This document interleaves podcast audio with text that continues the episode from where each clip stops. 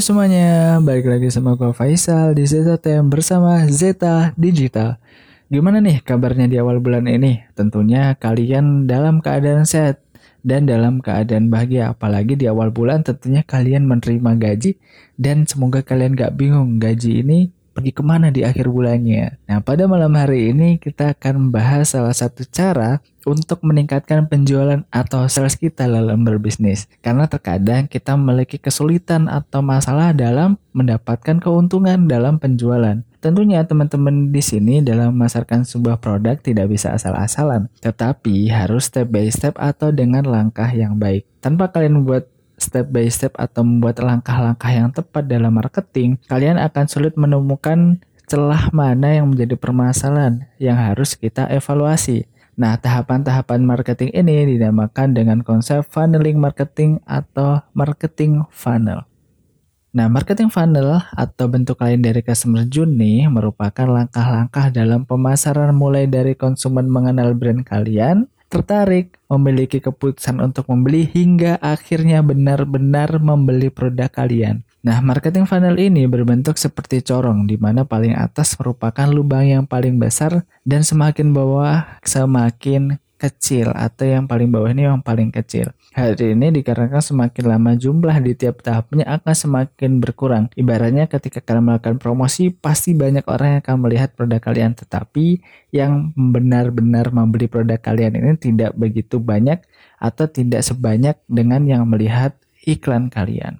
Marketing funnel sebenarnya memiliki berbagai macam model, teman-teman. Nah, di sini pada malam hari ini kita akan membahas yaitu menggunakan prinsip AIDA. Sebenarnya dari berbagai macam model ini sebenarnya intinya sama seperti itu. Nah, tahapan pertama dalam marketing funnel adalah awareness atau peduli. Di tahap ini kalian harus bisa mengomunikasikan produk yang akan kalian jual ke banyak orang dengan tujuan supaya orang-orang tahu produk itu. Jadi di sini goalsnya adalah tahu. Setidaknya audiens bisa mengerti ini tuh produk apa dan untuk apa harus dibeli. Nah yang harus diperhatikan kalian harus mengetahui segmentasi produk kalian seperti apa supaya tepat sasaran.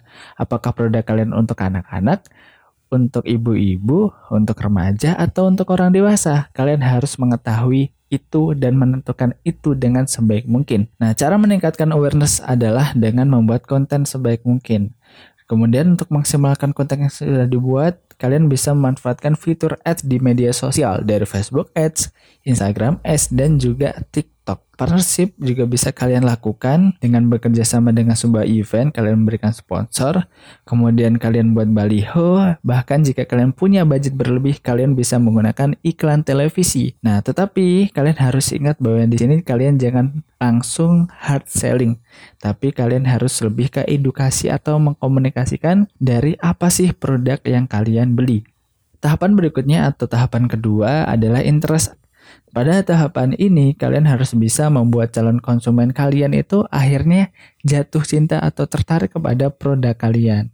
Nah, di sini kalian bisa menampilkan fitur-fitur apa saja yang menjadi kelebihan dari produk kalian. Sebagai contoh, kalian jika jualan kosmetik, kalian bisa menyampaikan manfaat jika menggunakan produk kosmetik itu. Jika kalian berjualan dengan gadget, kalian akan menampilkan fitur-fitur apa saja yang dimiliki gadget kalian yang tidak dimiliki gadget lainnya. Dengan ini harapannya orang-orang ini mulai tertarik dan akan mengikuti Instagram bisnis Anda di media sosial untuk update dan mendapatkan konten terbaru dari kalian. Tahapan yang ketiga adalah decision atau keputusan. Nah, dalam tahapan ini kalian harus bisa membawa calon konsumen yang sudah jatuh hati atau jatuh cinta atau tertarik tadi akhirnya memiliki keputusan juga untuk benar-benar membeli produk kalian. Nah, cara yang banyak digunakan oleh pebisnis dalam tahap ini adalah menggunakan testimonial atau review konten. Kalian bisa meminta testimonial dari pengguna produk yang sudah membeli produk kalian dan kalian tampilkan di media sosial kalian. Nah, tapi jika kalian ingin mendapatkan banyak sekali orang yang tertarik untuk membuat keputusan, kalian bisa menggunakan jasa influencer untuk mengendorse produk kalian. Dan sekarang saat ini sudah banyak sekali influencer di Indonesia yang sudah open endorsement mulai dari yang harga terjangkau hingga mahal.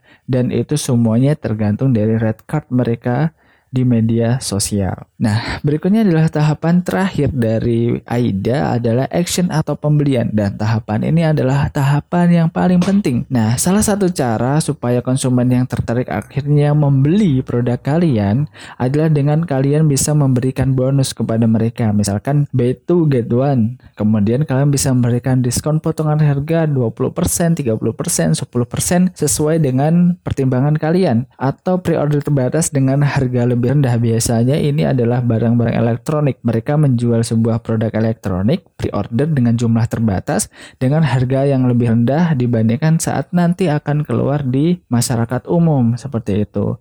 Dengan pancingan seperti itu, harapannya calon konsumen akan segera memiliki keputusan akan membeli produk kalian.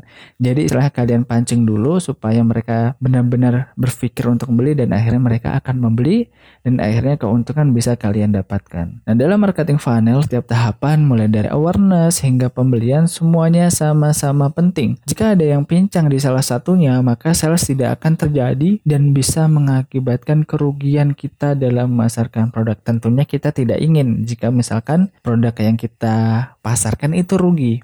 Semuanya pasti ingin untung.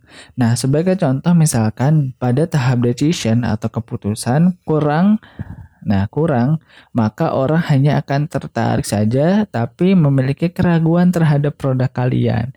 Nah, apakah produk kalian ini benar atau bagus? Mereka masih ragu sehingga mereka belum akhirnya memiliki keputusan untuk membeli. Akhirnya apa? Akhirnya menyebabkan kalian kehilangan calon konsumen.